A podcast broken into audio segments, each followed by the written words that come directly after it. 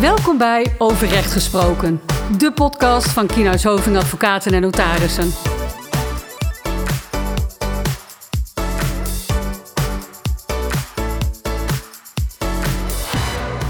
Welkom bij een nieuwe podcast, de tweede podcast in deze samenstelling. En mocht je de vorige podcast nog niet hebben geluisterd, mijn naam is Astrid Kiewiet, advocaat gezondheidsrecht bij Kienhuis Hoving. En mijn naam is Ilse van der Woude, advocaat arbeidsrecht en sociale zekerheidsrecht, ook bij Kienhuishoving. Ja, zoals ik al zei, dit is onze tweede podcast. We hebben er al eentje opgenomen. De opzet van deze podcast en de vorige podcast is eigenlijk als volgt. We bespreken de driehoeksverhouding zieke werknemer, werkgever en bedrijfsarts. De vorige podcast zijn we wat meer ingegaan op de rol van de werkgever in dat reïntegratietraject van de zieke werknemer. En dat is natuurlijk meer het specialisme van jou, Ilse, dat sociale zekerheidsrecht. Ja, dat klopt. En deze podcast gaan we wat meer in op de rol van uh, de bedrijfsarts. En dat is dus ook wat meer het gezondheidsrecht waar ik mij op richt in de praktijk. Ja, en het is daarom denk ik wel heel interessant om beide podcasts te beluisteren, omdat het toch wel onlosmakelijk met elkaar verbonden is. Nou, en je vraagt je misschien af waarom wijden wij ook een hele podcast aan de rol van de bedrijfsarts. Um, aanleiding daarvoor is dat we zien dat het aantal ingediende tuchtklachten door werkgever of werknemer tegen die bedrijfsarts is toegenomen. Ja, de bedrijfsarts valt namelijk onder het medisch tuchtrecht. Er kan dus een tuchtklacht tegen de bedrijfsarts worden ingediend door werkgever of werknemer, zoals je ook al zegt. Ik denk dat het daarom goed is om allereerst te benoemen wie dan precies de bedrijfsarts is. Ja, precies. Daarna zullen we toetsen waar die bedrijfsarts zich dan aan moet houden en uh, wat voor uh, toets de tuchtrechter uh, precies toepast. Uh, tot slot zullen we twee veel voorkomende thema's in de tuchtrechtspraak behandelen en enkele praktijktips noemen. Ja, want we bespraken het al even in de vorige podcast, maar in het algemeen geldt dat iemand zich pas arts mag noemen als hij als zodanig staat ingeschreven in het BIG-register.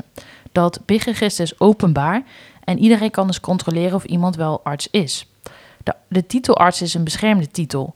Daarnaast bestaan er voor een aantal specialismen ook nog het specialistenregister. Een voorbeeld van zo'n specialisatie is de bedrijfsarts. Een bedrijfsarts mag zich dus pas als zodanig noemen als hij staat ingeschreven in het specialistenregister. Ja, een arts in het BIG-register is dus enkel als arts geregistreerd, maar mag zich dus niet bedrijfsarts noemen totdat hij als bedrijfsarts staat ingeschreven in dat specialistenregister.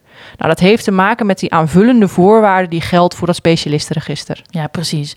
De bedrijfsarts is dus ook een beschermde titel. De arts die niet is geregistreerd als bedrijfsarts mag op geen enkele wijze dan ook de indruk wekken dat hij bedrijfsarts is. Dat geldt dan weer niet voor een arboarts, waar je ook mee te maken kan krijgen natuurlijk in dat reïntegratietraject. De arboarts is namelijk geen beschermde titel en iedere arts mag zich zo noemen.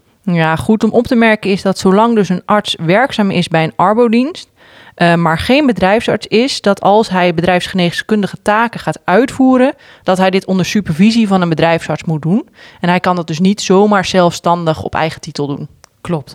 Nou en, vanaf, en vanuitgaande dat we vanaf nu te maken hebben met een bedrijfsarts die als zodanig staat ingeschreven in dat BIG-register, dan is die bedrijfsarts aangesloten bij de beroepsvereniging voor bedrijfsartsen, namelijk de Nederlandse Vereniging voor Arbeids- en Bedrijfsgeneeskundigen. Dat, is, dat wordt afgekort als de NVAB. Deze beroepsvereniging heeft een heel scala aan richtlijnen opgesteld waar de bedrijfsarts zich vervolgens aan moet houden. Richtlijnen behandelen bijvoorbeeld een bepaalde aandoening. Te denken valt bijvoorbeeld aan astma, een probleem zoals psychisch of een risicofactor zoals rugklachten. En doen duidelijke uitspraken over wat adequaat handelen is. Bedrijfsartsen mogen alleen onderbouwd afwijken van die richtlijnen wanneer de situatie hiertoe aanleiding geeft. Ja, en naast deze richtlijnen opgesteld door de beroepsvereniging zelf geldt ook het professioneel statuut en de nodige wetgeving voor die bedrijfsartsen. Een voorbeeld hiervan zou zijn de arbeidsomstandighedenwet, het Arbo-besluit, de wetverbetering poortwachter en de beleidsregels beoordelingskader poortwachter. Nou, en meer medisch, de wet medische keuringen en de algenoemde wet BIG. Nou, tot slot heeft die bedrijfsarts zich ook te houden aan een aantal kernwaarden. En deze kernwaarden zien op het handelen van die bedrijfsarts. Een voorbeeld van een kernwaarde is de onafhankelijke positie die hij inneemt. Die bedrijfsarts heeft een eigen verantwoordelijkheid voor toetsen van zijn handelen aan deze kernwaarden. Ja, en als een werkgever of een werknemer meent dat de bedrijfsarts niet aan de hiervoor genoemde wet en regelgeving die jij net opsomt heeft voldaan, dan zijn zij allebei bevoegd een klacht in te dienen bij de tuchtrechter. Nou, de tuchtrechter toetst vervolgens of de aangeklaagde bedrijfsarts binnen de grenzen van een redelijk bekwame beroepsuitoefenaar is gebleven. De tuchtrechter kijkt naar de stand van de wetenschap ten tijde van het gestelde klachtwaardig handelen. Dus hier toetst de tuchtrechter weer aan al die wettelijke bepalingen, richtlijnen, leidraden, professioneel statuut die binnen de beroepsgroep van bedrijfsartsen wordt gehanteerd. Nou, en heeft die tuchtrechter dat dan allemaal getoetst, dan kan de tuchtrechter aanleiding zien om een maatregel op te leggen. Je hoopt het natuurlijk niet, maar het kan gebeuren. Nou, en dit kan zijn een waarschuwing, de lichtste maatregel, maar ook een doorhaling van de inschrijving in het BIG-register. Nou, gelukkig komt dat laatste weinig voor. Um, als er dan een maatregel wordt opgelegd, dan uh, worden deze vermeld in het PIG-register met uitzondering van de waarschuwing. Ja, en wellicht nog een korte praktische aanvulling op wat je nu zegt. In eerste instantie wordt de klacht behandeld door het regionaal tuchtcollege, dus in eerste aanleg eigenlijk. De werkgever, werknemer of bedrijfsarts kan tegen een uitspraak in hoger beroep gaan bij het Centraal Tuchtcollege, indien het uh, de werkgever, werknemer of bedrijfsarts het niet eens is met de uitspraak van het regionaal tuchtcollege. Nou, en in die tuchtcolleges zitten dan beroepsgenoten van de bedrijfsarts en juristen. Nou goed, ik denk een heleboel informatie al uh, meteen in het begin. Ja, precies. Uh, maar we hebben uh, tot nu toe dus besproken, nou, wie mag zich dan die bedrijfsarts noemen? Waar moet de bedrijfsarts zich aan houden? En hoe ziet die toets van die tuchtrechter eruit? En we gaan het nu specifiek nog even hebben over twee thema's die wij veel in de praktijk zien terugkomen en wat we daaruit kunnen opmaken. Dit gaat over de onafhankelijkheid en het medisch beroepsgeheim. Ja, de onafhankelijkheid, zoals je zegt, en we hadden het er net ook al even over, is een van de kernwaardes voor de bedrijfsarts. Het is aan de werkgever een keuze te maken, natuurlijk allereerst voor een bepaalde bedrijfsarts. Uh, en niet aan de zieke werknemer. We, hadden dat ook in de vorige podcast al even aangehaald. Nou, de ondernemingsraad heeft een aanzien van uh, de keuze voor een bedrijfsarts ook instemmingsrecht. Betekent overigens volgens de tuchtrechter niet dat de bedrijfsarts het belang van de werkgever voorop heeft staan, ondanks dat dit de opdrachtgever vaak zal zijn. Geschetst beeld is vaak in de praktijk dat de bedrijfsarts niet onafhankelijk zou kunnen opereren doordat deze betaald wordt door de werkgever. Onafhankelijk is echter een kernwaarde waar de bedrijfsarts zich aan moet houden en waar een bedrijfsarts zijn eigen handelen aan moet toetsen. Een tuchtrechter toetst immers ook aan, uh, aan dat handelen en of die wel onafhankelijk is, onder andere. Dit brengt volgens het Centraal Tuchtcollege dan ook met zich dat op het moment dat de onpartijdigheid uh, en of de objectiviteit in het gedrang komt, of de schijn naartoe wordt gewekt, een bedrijfsarts al moet overwegen of hij van een beoordeling van de betreffende werknemer moet afzien. Sorry. Nou, en die onafhankelijkheid van die bedrijfsarts is natuurlijk een populair, nou populair tussen aanhalingstekens, uh, onderwerp in die tuchtzaken. En hoewel er al verschillende pogingen zijn gedaan om de onafhankelijke positie van de bedrijfsarts in de wet te waarborgen, blijft dit nog wel een discussiepunt. Ook wil die werkgever natuurlijk nog wel eens druk uitoefenen op een bedrijfsarts. Dit kan bijvoorbeeld zijn dat een werkgever het, uh, de bedrijfsarts verzoekt om een beoordelingsverslag aan te passen, zodat de uh, belastbaarheid van die zieke werknemer anders wordt beschreven. Nou, kans bestaat dat als die bedrijfsarts weigert daarin mee te gaan, dat dan die arts wordt vervangen door een andere bedrijfsarts. Dit is de manier voor een werkgever om soms een oordeel dat hem niet zint terzijde te schuiven. Het mag natuurlijk niet, maar het gebeurt wel. Ja.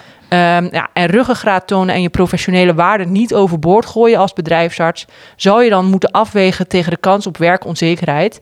En wij kunnen ons voorstellen dat dit soms een dilemma oplevert. Ja, en dit afwegend kunnen we denk ik een aantal eerste tips in deze podcast geven met betrekking tot die onafhankelijkheid van een bedrijfsarts. Want allereerst, wees als bedrijfsarts bedacht van je taak om zowel werkgever als werknemer onafhankelijk te adviseren. Ondanks wie jou betaalt en wie de opdracht heeft verstrekt. Ga altijd na of je onafhankelijk bent bij het krijgen van de opdracht, maar ook gedurende de opdracht steeds kijken of je wel onafhankelijk uh, blijft en bent. In die driehoeksverhouding gaan we, uh, waar het steeds over gaat, heeft een ieder belang bij een succesvolle reïntegratie. Dus hou dat dan ook voor ogen. Doe aan verwachtingsmanagement en wees transparant over de mogelijkheden en onmogelijkheden met betrekking tot je taken. Nou, een, een tweede, laatste thema, wat denk ik ook benoemenswaardig is, is de geheimhoudingsplicht van de bedrijfsarts. Bedrijfsartsen zijn uiteraard, net als alle andere artsen, ook onderworpen aan het medisch beroepsgeheim. Wat zich overigens niet alleen uitstrekt over medische informatie van een werknemer, maar ook over alle andere informatie die naar voren komt in een spreekuur tussen werknemer en bedrijfsarts of op een andere manier bij de bedrijfsarts terechtkomt. Nou, voor de geheimhoudingsplicht maakt het volgens het Centraal Terugcollege uit of er sprake is van een arbeidsomstandigheden spreekuur of een verzuimconsult. Nou, allereerst zo'n consult in het kader van het arbeidsomstandigheden spreekuur. Dat betreft een vrijwillig contact op initiatief van de werknemer. Nou, in dat kader geldt dat de geheimhoudingsverplicht onverkort blijft gelden. Een consult in het kader van het verzuimspreekuur betreft daarentegen een verplicht contact in opdracht van de werkgever. In het kader van dat verzuimspreekuur beoordeelt die bedrijfsarts of er sprake is van medische beperkingen voor de bedongen arbeid. Ehm, en mag de bedrijfsarts daarbij de noodzakelijke gegevens in het kader van het ziekteverzuimbegeleiding aan de werkgever doorgeven. Wel moet hij deze gegevens voordat hij die aan de werkgever verstrekt, eerst met werknemer bespreken. Ja, en om het iets concreter te maken, op grond van de KNMG-richtlijnen, de KNMG is de artsenorganisatie, de algemene artsenorganisatie in Nederland, mag de bedrijfsarts aan de werkgever een aantal onderdelen wel rapporteren.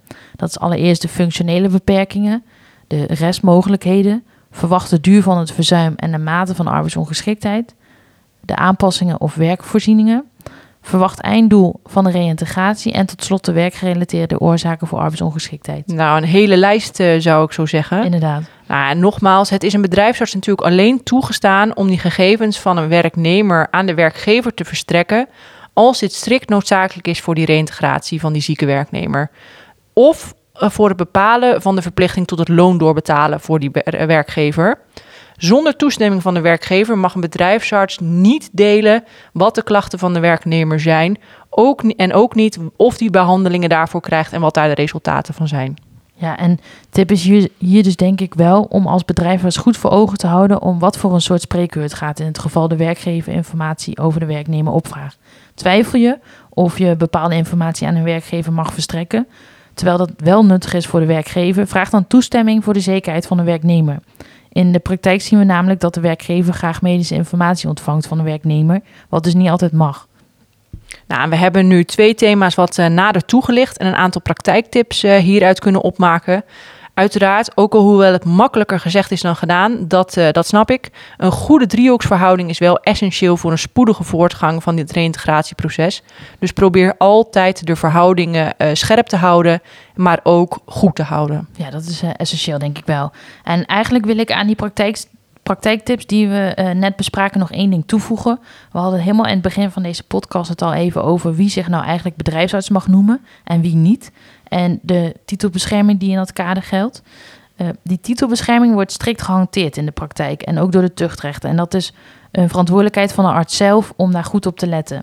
In het geval bijvoorbeeld dat gebruik wordt gemaakt van rapportages met een automatisch gegenereerd format, terwijl er zowel bedrijfsartsen als arbeidsarts met dat format werken, let als arts goed op of de aanhef daarin hè, wel klopt. Dus ben je arbeidsarts, gebruik dan niet de aanhef van bedrijfsarts.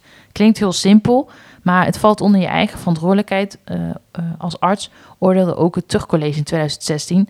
Ook als het per ongeluk gaat. Je kan daar dus tuchtrechtelijk ter verantwoording voor worden geroepen. Dus noem jezelf arts of arboarts als je geen bedrijfsarts bent. En ben je natuurlijk bedrijfsarts en sta je zo ingeschreven, dan is dat natuurlijk geen probleem. En volgens mij hebben we de podcast dan uh, opgenomen. Dat ging uh, snel. Uh, ik vond het heel leuk om te doen. Jij ook? Ja, zeker. Ja, het, het smaakt naar meer, zou ik zeggen. Ja, nou, we hebben er nu twee gedaan. Ik denk een goed begin. Precies. Zeker in die driehoeksverhouding. We ja. hebben natuurlijk ook nog het nodige geschreven op onze website. Ja. Dus mocht je nog meer willen weten over dit onderwerp, kijk dan ook zeker op de website en naar de artikelen die daar staan. Ja, en we verwijzen denk ik ook nog even terug naar de vorige podcast die we hebben opgenomen. Bovendien hebben we een speciale webpagina op de website die je al noemde ingericht. Uh, dat heet De Zieke Werknemer. Special topic is dat. En die gaat ook nader in op die driehoeksverhouding zieke werknemer, werkgever en bedrijfsarts. En volgens mij uh, kunnen we dan afronden. Dat denk ik ook. Nou, bedankt voor het luisteren. En graag tot de volgende keer. Precies. Dit was Overrecht Gesproken, de podcast van Kienhuis Hoving. Heb je vragen of wil je meer informatie? Stuur dan een e-mail naar podcast.kienhuishoving.nl Wil je niets missen? Abonneer je dan op onze podcast via jouw favoriete podcast-app.